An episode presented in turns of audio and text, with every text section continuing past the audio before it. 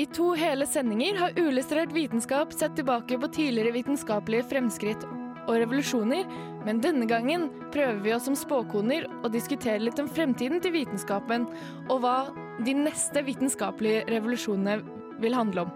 Er det AI? Er det relativitet og kvanteteori? Eller er det noe helt, helt annet? Hallo, hallo, hallo, og velkommen til denne ukas sending av Uillustrert vitenskap. Mitt navn er Andreas, og med meg i studio så har jeg Martin. Hallo. Ja, Kristine. Hei, hei. Og jeg har Andreas. Hallo, hallo, hallo. Og denne gangen så skal vi rett og slett konkludere vår lille serie og spå litt om hva fremtiden har å tilby. Hva er det dere ser frem til i fremtiden? I eh, kjent stil så har jeg lyst til å ta en tur ut i verdensrommet. Ja, du har det, ja. Eh, Vi skal preke litt om det, diskutere litt. Grann. Eh, Forhåpentligvis så har dere noen innspill der, fordi det blir spekulasjon. Det blir spekulasjon. Ja. Ja, Hva med dere andre? Hva har fremtiden å by for dere? Mm, sannsynligvis ikke så veldig mye. En, Det var optimistisk! en, en jobb. En jobb. Ja. Det er bra. Hva med deg, Martin? Nei, jeg vet ikke. Det, jeg, jeg har satt meg inn i hva folk i fortiden sa om fremtiden, jeg. Så jeg har egentlig ikke tenkt så veldig mye på min fremtid. Du har ingen, men, ingen meninger sjøl på egen hånd? Uh, jo, men uh, de, de er litt sånn De er ikke så glad. oi, oi, oi, oi. Altså, Vi kan ikke ha for høye forhåpninger om fremtiden, Fordi da risikerer vi å bli skuffa. Det er veldig sant. Og det har jo skjedd mange ganger tidligere. Keep it real. Keep At it eh, real. fortidens mennesker har blitt skuffa. Ja, Ja. men jeg er veldig interessert i nettopp hva ja, folk i fortiden trodde om hva som kommer til å skje fremover. Og vi hopper selvfølgelig rett inn i det her på Uillustrert vitenskap, men før vi kommer så langt, så skal vi høre World I, I Used To Call Mine av Chain Wallet. Av og til kan det være vanskelig å finne fram til riktig fun fact. Derfor har vi samla mange fun facts på ett sted, slik at det blir lettere for deg å finne fram til riktig fun fact. Fun fact illustrert vitenskap.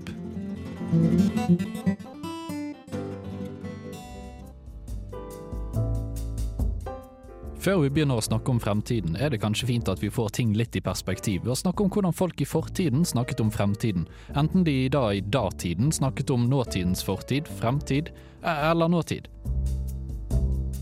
Så hva sa folk i fortiden om fremtiden, altså vår fortid eller nåtid? Som mange av mine andre spørsmål her i programmet begynte leiting etter svar med et Google-søk, som ga meg massevis av sider som topp ti ting folk tok feil om, og latterlig ukorrekte prediksjoner innen teknologi, ha-ha-ha-ha-ha. Det ga meg i utgangspunktet egentlig ikke så mye svar på så veldig mye, fordi som forventet så er det vanskelig å spå fremtiden, i hvert fall spå den riktig. Jeg trenger nok ikke millioner av søkeresultater for å finne ut av det, men det er likevel spennende å prøve å finne ut av hvorfor noen tok feil, og noen hadde rett. For noen ganger hadde de ganske gode grunner til å både ha rett og ta feil, og noen ganger vet man egentlig ikke hva de tenkte. Men det ser ikke ut som vi slutter å prøve å se for oss fremtidens verden av den grunn, og det er kanskje like greit. Så, kanskje i fremtiden vil folk snakke om nettopp dine prediksjoner om fremtiden, og de vil spørre seg sjøl om hvordan du klarte så nøyaktig å se for deg fremtidens nyvinninger. Eller kanskje sitatene dine vil havne på Top 10 hilarious things people in the 21st century said about technology in the 22nd century hver gang de søker på den da dominerende søkemotoren, som for alt jeg vet kan være kvasir.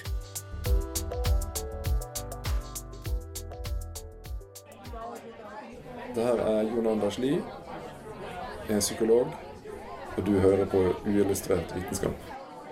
Ja vel, forhåpentligvis så er ikke kvasir det vi bruker mest i fremtiden. Eller er det noe du håper på? Norge som internettsupermakt. Det blir Ja. Bing. Det blir Bing. Yes. Ask Jeeves, ja. fremtiden går sikkert helt fint. Men ja, Martin, du skal, eh, nå har vi jo en, eh, en topp ti-liste her. På hva, eh, jeg vil gjerne høre den topp ti-lista. Oh ja, nei, jeg tok den ikke med. Fordi Den, den var ikke så interessant. Nei, det blir jo fort litt sånn Sa de virkelig det? Eh, går liksom ikke helt med på det. Og så er det ikke alltid det så veldig sånn kjente folk til å begynne med. De har bare hentet et eller annet sånn sitat. Noe som eh, var veldig feil likevel. Bare sånn. Ja, jeg fant noen interessante, da. For eksempel Bill Gates sa i 2004 at om eh, to år så vil vi ikke lenger få spam-mail. Nei. Okay. Det, vi vil ikke Nei. Eh, Nei, okay. I, da, I dag så står det for 90% av sendte mail. Ja, ok, Så om, om to år, ja. Mm. Ja, jeg har fått ganske mange spam-mail bare i dag. Hittil i dag. Jeg kan tydeligvis låne fra sånn 20 forskjellige banker. Ja, samme. Ja. Samme. Ja, for jeg gikk inn på en av de listene, og så så jeg litt på en av de som skrev den listen. Han heter David Pogue eh, i Scientific, Scientific American. Mm. Og- Kjente Ja, tidsskriftet. ja, ja. Eh, og han sa til New York Times i 2006 at, eh, at eh, han, når han ble spurt om Apple ville komme med sin egen mobiltelefon, så sa han han har fått det spørsmålet mange ganger, og svaret hans er mest sannsynlig ikke. Nei, nei, sant. Men eh, han tok feil. Det innrømte han i den artikkelen han hadde lagd om topp ti feil for ting folk har sagt. Ja, ja. Så han var en del av det. Ja, men det er en ganske grei grunn til at han sa det han sa. Fordi det som da var, var jo det at uh, det var litt uh, De forskjellige leverandørene, enten det var A- hva de heter de der, Verizon og hvem nå enn det, Ja. de skulle ofte blande seg litt inn i softwaren til de mobilprodusentene. Ja. Og det ville nok ikke Steve Jobs gått med på, mente han eh, David Pogue. ja, Så da grunnen til at eh, Apple ikke kom med sin telefon, var fordi uh, nettopp dette her ikke kom til å skje? Altså at hvis ikke de fikk medle med Apples teknologi, så fikk ikke de uh, distribuert telefonene sine? Ja. Ja. Men så kom jo de frem til en sånn avtale med at eh, eh, Steve Jobs ga de eksklusive rettigheter i fem år, så lenge de ikke blandet, blandet seg inn. Ja, i ja. ja. Men han så jo ikke for seg den utviklingen, sant? Nei. så derfor så tok han feil. Og uh, sånn skjer jo igjen. For eksempel, uh, vi kan gå lengre tilbake i tid, tilbake til 1943. Da sa jo Thomas Watson, som var sånn, en av de tidligere sjefene i IBM, han sa at I think there is a world market for maybe five computers. ja.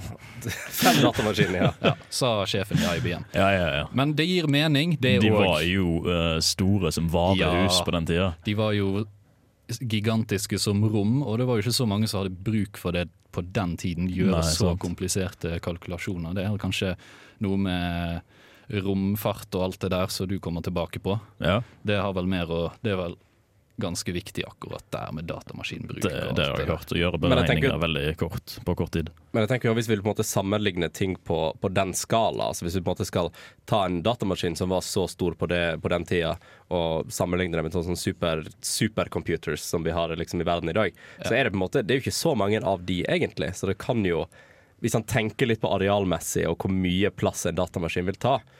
Så har vi jo veldig lite av det. Mm. Mm, ja, jeg det jeg vet sant. ikke hvor, de, um, altså hvor mange supercomputere det er i dag, men det er jo ganske mye mer enn fem. Det er ga garantert garantert mye mer enn fem. at de fleste meteorologiske institutt i DIV-land har én. Mm. Og sånne ting som det. Men så er det også veldig vanskelig å forestille Jeg kan tenke meg at det er ganske vanskelig å forestille seg noe man ikke har sett. Ja. Sånn at du vet, altså Hvis en datamaskin er på størrelse med et rom, så er det liksom sånn Å ja, en datamaskin på størrelse med det vi har i dag som telefoner. Det er sånn shit. Det går jo faktisk ikke. Kommer liksom aldri til å ha en kommersiell bruk i det hele tatt. Og jeg, og jeg skjønner godt at de tenkte sånn, for at eh, det er fort gjort. Mm. Mm. Og mens vi snakker om datamaskiner Jeg har jo en gang snakket om Moores lov, Ja. hvis dere husker den. Nei, forklar. Det er at, eh, at størrelsen på, på Eller det vil si antallet, eh, hva det heter, Transistorer. transistorer i en microchip vil dobles hvert, eh, hvert hver tolvte måned. Ja. Seinere justert for hver 24. måned. ja, fordi det er begrenset hvor små disse her kan bli uten at de overlapper på hverandre. Ja. Den ble endret til 24 måned i 1975. Ja, sant. Fordi da ble Mm. plutselig Da begynte de å nærme seg eh, noe som var veldig lite. Ja. Det er jo fortsatt uh, i, Ja, Du kan fortsette med det, da, så kan vi slippe den digresjonen ja, her. Og den, den har jo stemt ganske greit. Det har vel kanskje vært egentlig rundt to og en halv ganger mer Ja. per 24 måned. Så det jo, den holder jo ganske greit. Men det noen òg har sagt, er jo det at selve Moores lov ble en slags sånn der selvoppfyllende profesi. Ja, fordi uh, noen hadde sagt det, derfor satte vi oss dette som et mål. Ja, Ja. rett og slett. Det ble et mål å doble hver gang. Den henger jo òg sammen med den Denards law, at uh, transistorer blir mindre og mindre. Mm. Men de kommer jo da til et visst punkt. Eh, I 2015 for eksempel, så var 14 nanometer standarden. Men de kunne lage, de klarte å lage en ned på 7 nanometer. Mm. Så man har fortsatt litt å gå på, men etter en stund så vil jo bare elektronene hoppe over eh, hele den her, eh, ja, transistoren. Det kommer til å stagnere på et punkt uansett. Ja, til vi finner noe, et annet materiale eller en annen teknologi. Kvantedatamaskin. Ja, kvantedatamaskin. Ikke transistorbasert og kanskje sånn her eh, neural network og alt det der greiene der. Ja. Men vi kan jo òg gå litt inn i filmens verden, hvis vi har tid til det. Gjerne det. Ja, Ja, ja. For vi er jo i år 2019. 2019. Ja. Sist jeg sjekka, i hvert fall. Og hva skjedde i 2019 ifølge filmverden?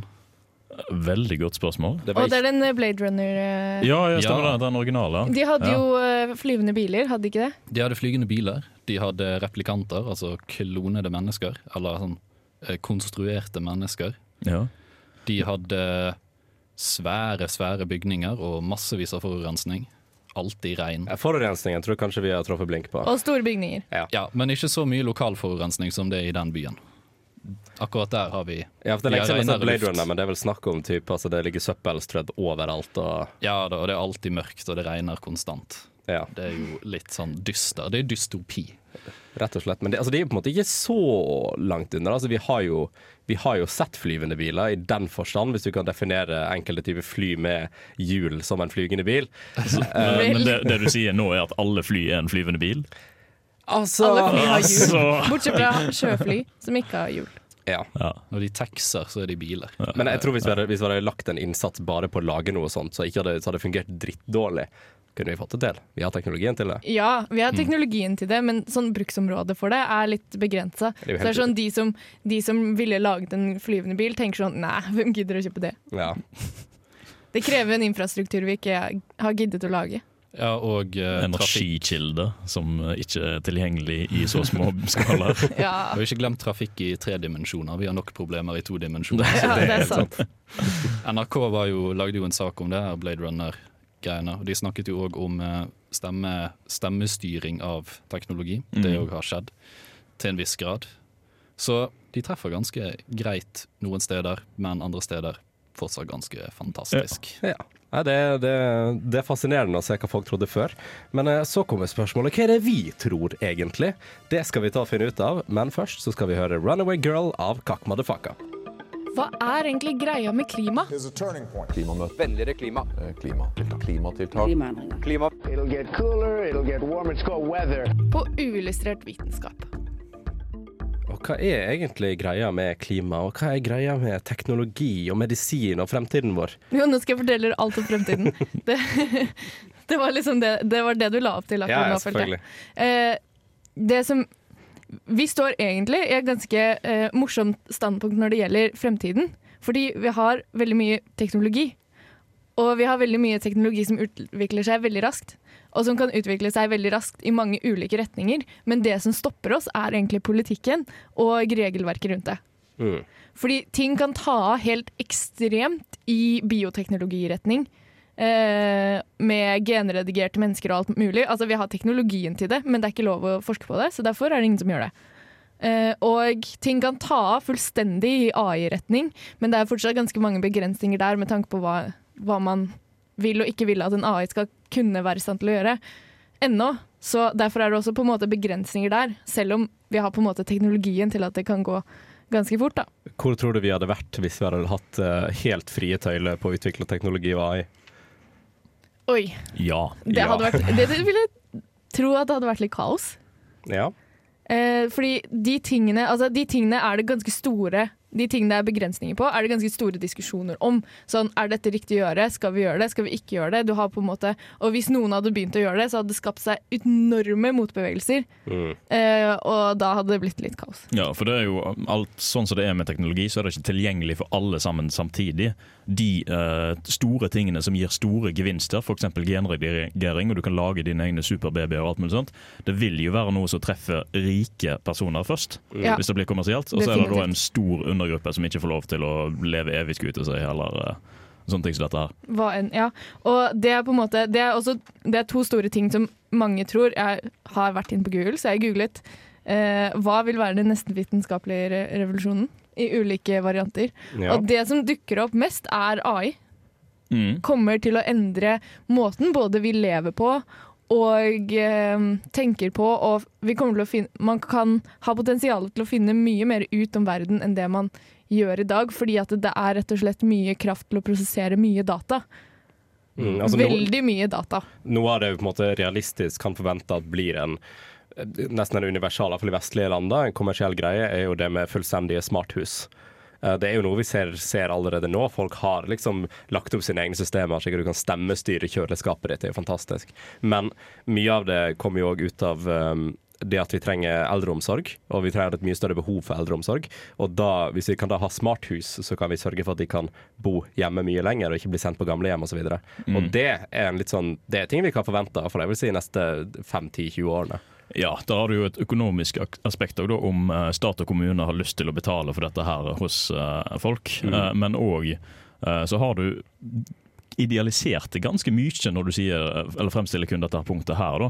Ja, For det er jo mye uh, usikkerhet si, med Internet of Things og ting rundt dette her. Altså, det er en grunn til at man skal ha sertifisert utdanning når man skal sette opp sine egne smarthus og alt mulig sånt. At Mm. man ikke skal gjøre det på egen ting, egen hånd, fordi det er skremmende lett å komme seg inn i systemet Ja, ja, som man sjøl installerer. Det er jo, altså, da, dataene, vi er jo ikke kommet i nærheten langt nok til å kunne beskytte systemene våre fra hackere og, og, eh, og andre ting. Nei, nei, nei, sant? Og så er det ikke alle produktene som er utvikla sikkert, fordi Mm. de mange er utviklet av eh, nettopp ikke IT-sikkerhetskonsulenter. Altså, du har jo pacemakere som har blitt hacka, liksom. Det er en utrolig skremmende tanke. Ja. Ja, det, og det er på en måte mye av det da, som er en naturlig brems for den utviklingen. Mm. Og så er det liksom sånn Det kan eskalere, men man vet ikke om de vil gjøre det, fordi det, det avhenger veldig mye av hvor ressursene ligger, og hva man velger å forske på og sånn. Mm. Eh, men det er flere ting. Eh, eksempel det med relativitet og eh, kvanteteori. Det er jo to forskjellige ting eh, og, som forklarer fysiske fenomener. Og så savner man egentlig noe som kan forklare begge to i samme teori. Mm. Eh, og forstå liksom det med big bang og hva som skjedde og eh, hele den greia der. Ikke det at jeg kan så mye om det fra før av, det er derfor jeg bare sier hele greia. eh, men der er det veldig mye man eh, ser som ikke helt, man ikke helt finner ut av hvorfor, og man ikke helt får til å stemme.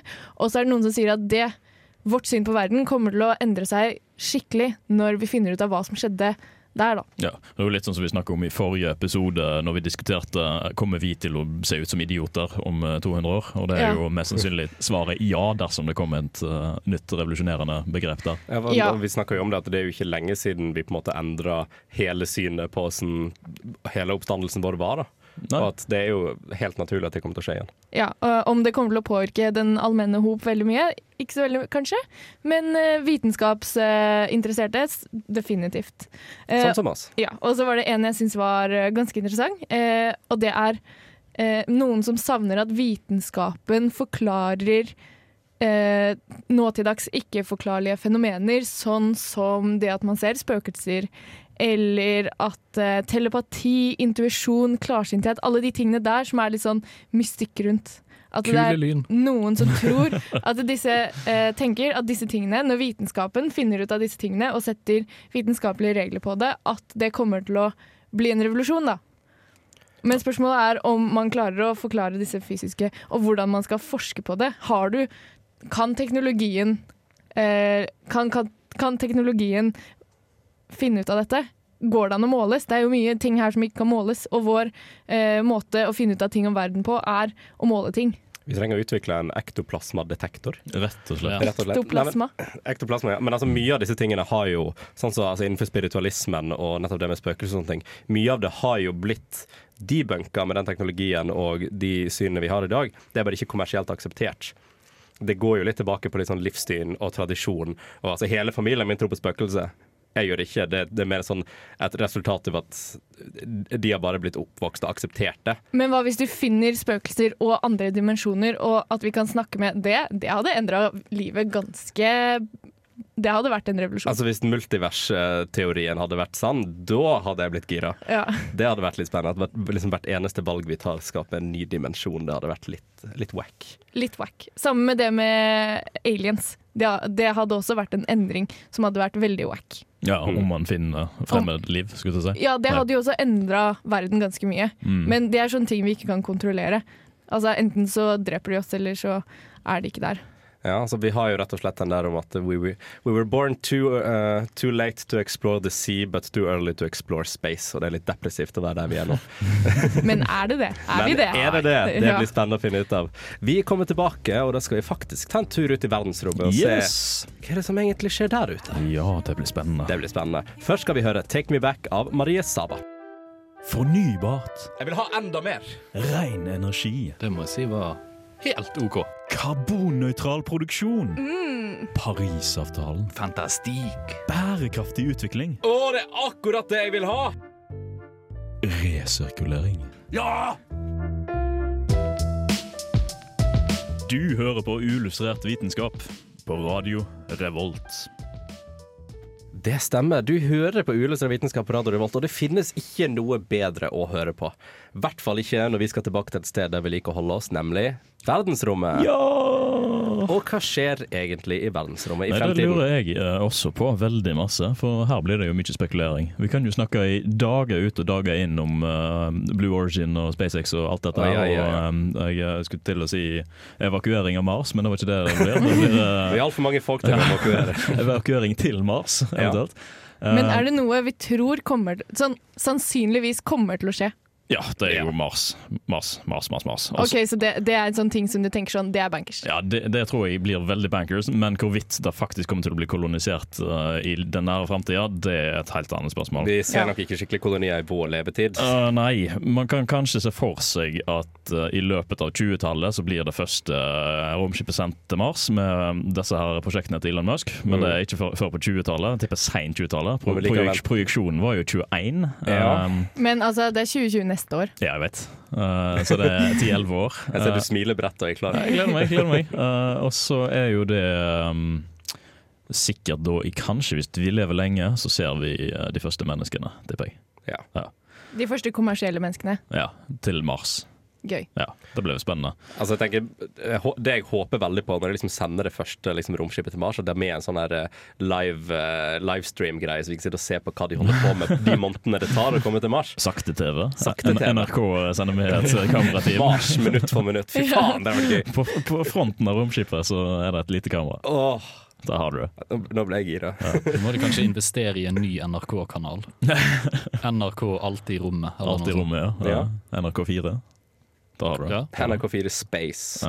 Oi, oi. Eh, Men en annen ting som er veldig jeg tror er veldig realistisk at eh, vi kommer til å se, er et nytt eh, kappløp eh, til verdensrommet. Altså om å gjøre å få eh, flere romstasjoner opp. Flere eh, altså Landene har sine egne romstasjoner. Kina har jo sine prosjekter på gang. Mm. Eh, hvorvidt USA har satt av penger til det, det er jeg litt usikker på, men det er snakk om å øke budsjettet til NASA for å nettopp sende opp eh, flere Eller ha egne, større ressurser da, til å sende opp ressurssatellitter. ressurs, eh, og DIV til militære formål. Eh, så det vil bli et militært kappløp, det er jeg veldig sikker på. Ja.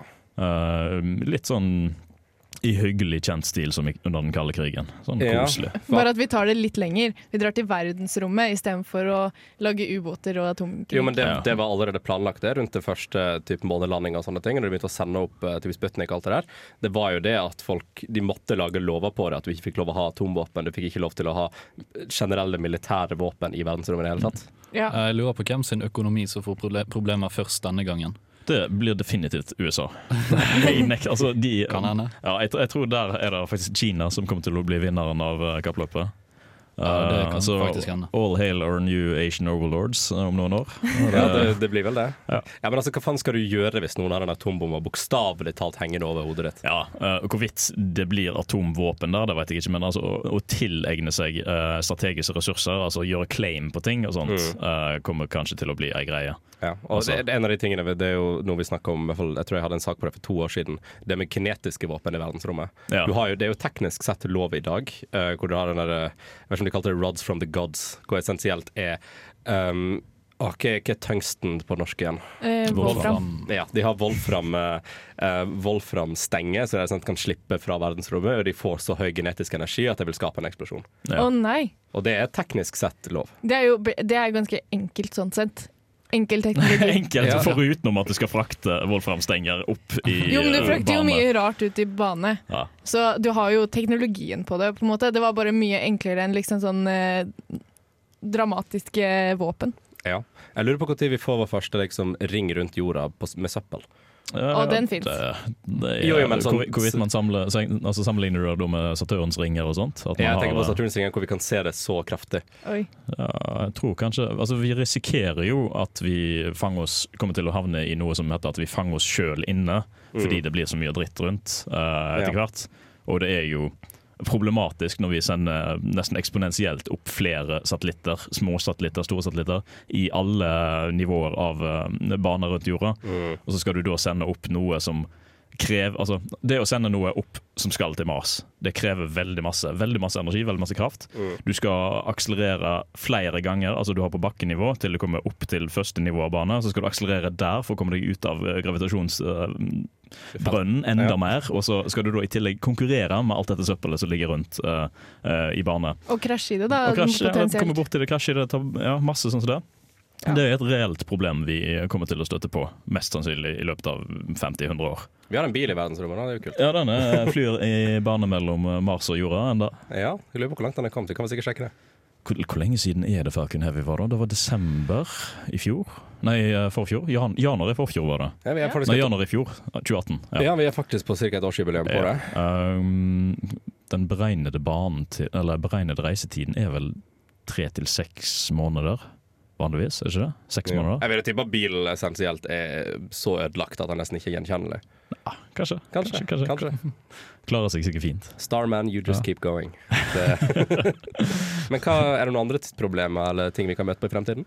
Det er litt grann, eh, Nå er vi inne på spekulering. Nå har jeg tatt de tre som jeg tenkte var veldig aktuelle og kommer til å skje. Men videre, altså ehm, Utforsking av neste ledd i solsystemet, den er jo litt sånn altså Når skal vi sende ting til eh, neste planet? Skal vi sende noe innover? Nei, det er litt sånn Jeg tror. Merkur holder vi oss unna. Det er litt varmt. Og så og så har du asteroidebeltet. Skal vi finne oss noen asteroider der å lande på? Mm. Uh, og utforske de, kolonisere de. Så har vi en ny uh, Hva heter den serien, da? Uh, The Expanse gående. Ja. Altså noe, det, noe jeg tenker som kan bli et reelt problem i fremtiden, det, jo det kan være snakk om altså millioner av år og tusener av år, det er jo at vi vil få en så stor asteroide som kan liksom er på kollisjonskurs med jorda. da. Og at det liksom, vi kan faktisk få dommedag en eller annen gang. Um, for det er jo veldig vanskelig. Altså, vi har jo kartlagt en god del av asteroidene og meteorittene som er rundt om, som kan passere oss, men vi vet jo aldri hva som skjer videre. Men da vil man jo sannsynligvis vite det en god tid i forveien, Mm. og kunne da konsentrere ressurser på romfart. Sånn typ sånn OK, vi er nødt til å komme oss vekk herfra. Eh, hva gjør vi? Mm. Og da går ting mye fortere. Det er sånn, Forskning trenger penger, og eh, hvor pengene er, styrer hva vi, hvor langt vi kommer i hvilke felt. da. Ja, det Og det er litt sånn det går i. Det blir spennende å se på en måte hva politikken har å si på fremtidig eh, romfart. Jeg tror det er mye. Ja. Veldig. Ja, ja, herregud, Det er jo politikken som styrer alt sammen. Man ser, det er jo en grunn til at uh, romfartsprogrammet ble stengt ned i USA. Det var jo politisk bestemt fordi hei, dette koster penger, vi tjener ikke så masse på det. Ja. Og så er det ganske farlig i tillegg. Mm. Så um, Risikabel forskning. ja, ja, eh, astronautene skal til Kasakhstan og skytes opp med russiske romfartøy. Ja. Ja. Blir veldig, veldig gøy. Ja. Men det jeg tenker er at vi kanskje skal ta for oss litt flere, kanskje mer sosiale og samfunnslige spørsmål om ting skal skje i fremtiden. Hvordan blir det å være ung i fremtiden? Hvordan skal de gamle ha det i fremtiden? Alt dette er spennende og gøy å spekulere på. Før vi kommer så langt, skal vi høre Groove Therapy av Fred Fates og John Rice. Hei, Torfinn Borchhus her, ifra Nesten helt sant og Ikke gjør dette hjemme. Du hører nå på Uillustrert vitenskap.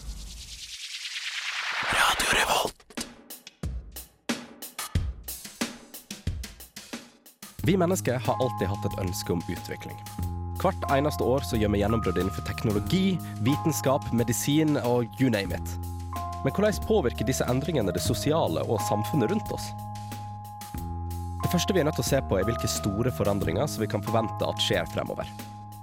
En av disse er bl.a. fortsettelsen av urbanisering og det faktum at folk har en tendens til å flytte bort fra bygda. Hvordan vil dette påvirke landsbygda? Hvordan vil dette påvirke matproduksjon og byplanlegging? Det er kun fremtiden som vil vise. Andre viktige spørsmål vi kan stille oss rundt det sosiale, er hvordan de yngre må forholde seg til den eldre generasjonen. Med så god eldreomsorg som vi har i den moderne vestlige verden, så lever de eldre mye mye lenger enn før. Og dette gjør at de gamle idealene og tidligere verdenssyn ennå kommer frem i politikk og media. Hvilke konsekvenser kan dette ha for samfunnets utvikling? Det er mange viktige spørsmål som kan diskuteres rundt omveltning og revolusjoner, men vet du hva? Vi tar det på lufta.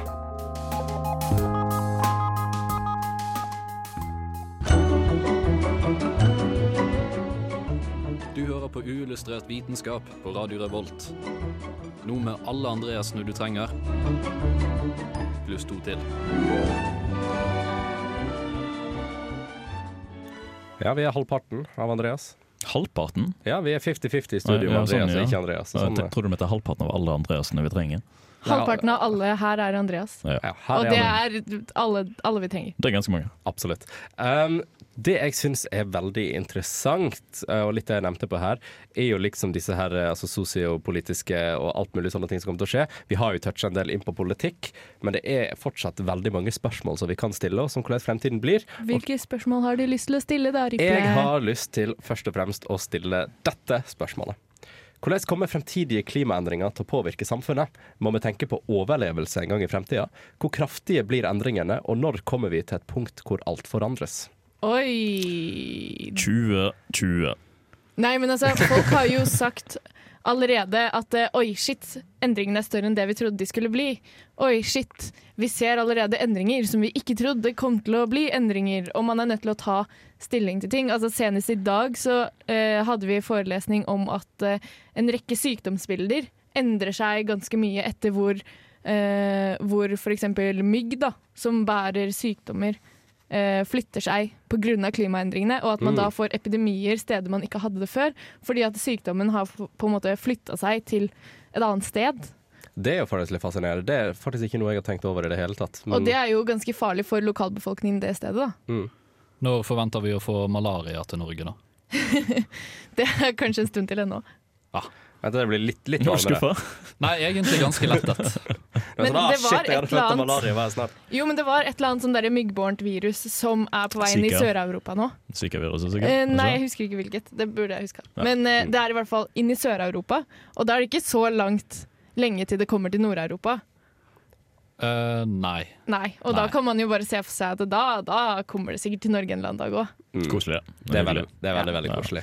Eh, Det er jo også, akkurat det med klimagreiene er jo noe som er veldig eh, reelt. På grunn av mange forskergrupper går nå ut og sier altså vi har gitt dere alt vi kan si, uh, alt vi kan finne ut. Nå er det opp til politikerne i landet til å gjøre altså de, nesten der at de resignerer litt, grann, fordi de blir ikke hørt. De har, og sånn har det holdt på i veldig mange år òg. Ja. uh, Så det er jo fullstendig opp til politikerne. Så der kan det hende at det kommer en gradvis rev- revolusjon i hermetegn, at folk stemmer mer miljøbevisst. ja, og det um, det tar vi rett og slett inn i neste spørsmål, eh, som er jo det litt jeg nevnte i, i saken her. Men hva gjør vi når levealderen blir så lang og folk sitter med makt over lang, lang tid? Hvordan vil det påvirke samfunnslige endringer? Blir vi unge hørt? Jeg syns vi burde innføre en øvre politisk eh, aldersgrense. At man ikke har lov til å sitte som politiker når man er en hvit gammel mann. Ja. Jeg, eh, det, er jo, det er jo sånn her, Hvis du leser kommentarseksjoner, så er det jo sånn her Åh, stemme, eh, Nedre stemmealder burde vært sånn 25 år, sånn som i gamle dager på 1800-tallet. Jeg er ikke så Men- veldig men- uenig i den heller, egentlig. Nei, Altså, men man kan argumentene? Man kan kutte i begge ender. Ja, ja, absolutt. Ja. Det Men, er sånn men fem- det er jo 25 og 75 eller noe sånt. Det er mye farligere med den, al- el, altså den eldre gruppen som styrer, enn den yngre gruppen som styrer. For de gamle har veldig lett for å tenke alt var bedre når jeg styrte. Og så jeg har ikke lyst til å høre på disse young whippersnappers eh, sine meninger. Og sånne ting som det. Mulig, mulig. Det skaper jo rett og slett en sånn altså en politisk ubalanse hvor mesteparten av landet egentlig mener mot det som er normen i landet.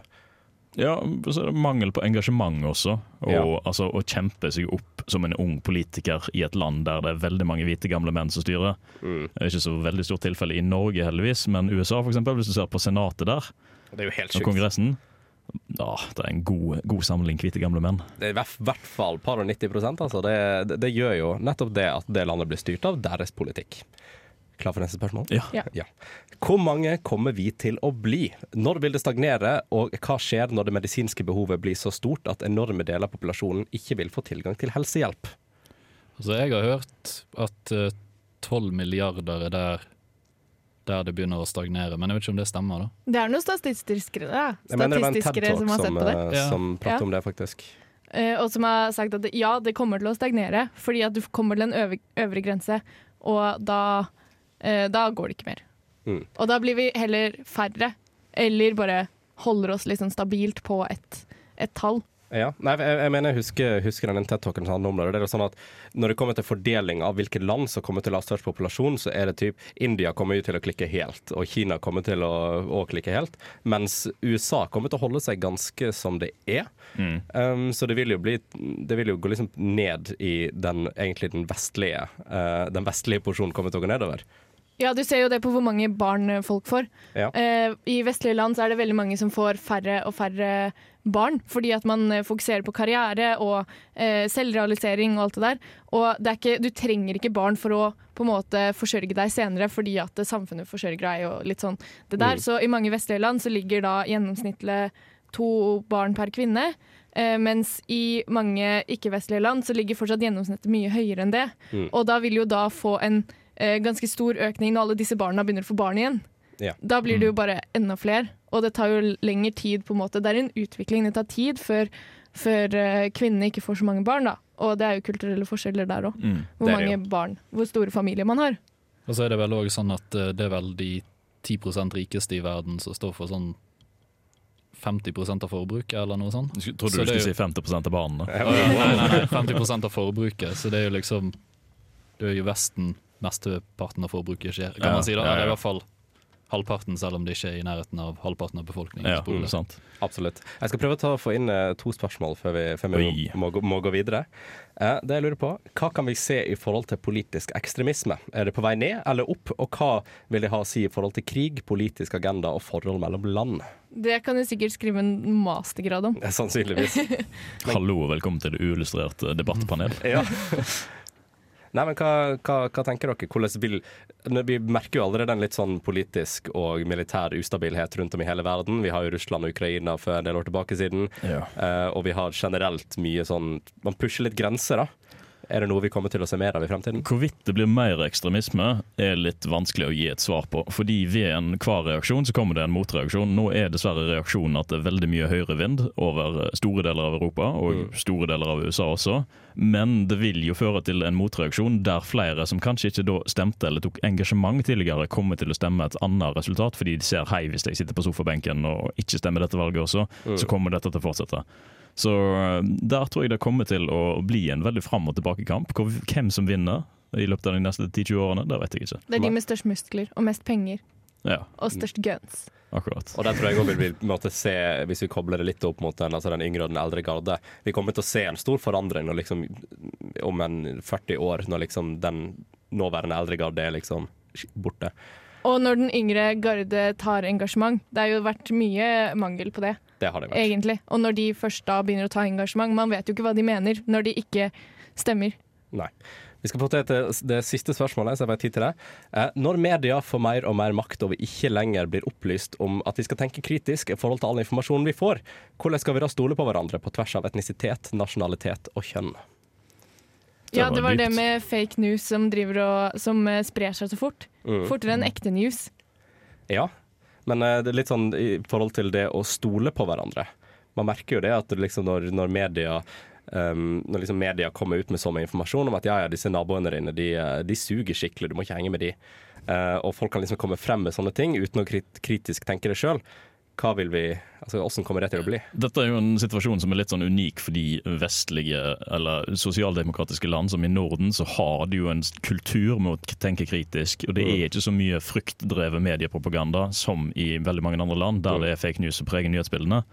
Så jeg tror For oss nordmenn så er det en ganske enkel case å klare å calle bullshit, rett og slett. Ja, Det er veldig bra. Men uh, derimot, for eh, mindre utdannede folkegrupper og sånne ting som det, så tror jeg det, altså, som ikke har det i kulturen, å være litt sånn folkekritisk og kunne stole på folk, Mm. så tror jeg det blir vanskeligere.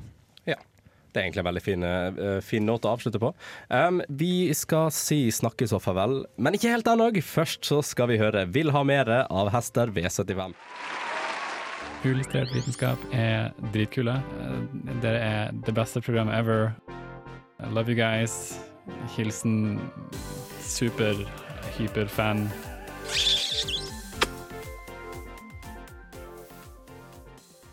Og der så er vi dessverre nødt til å nærme oss slutten på denne ukas sending av Uillustrert vitenskap, og med det så konkluderer vi òg den tre episoder lange serien vår om historiske høydepunkter, og da litt om fremtidig historie.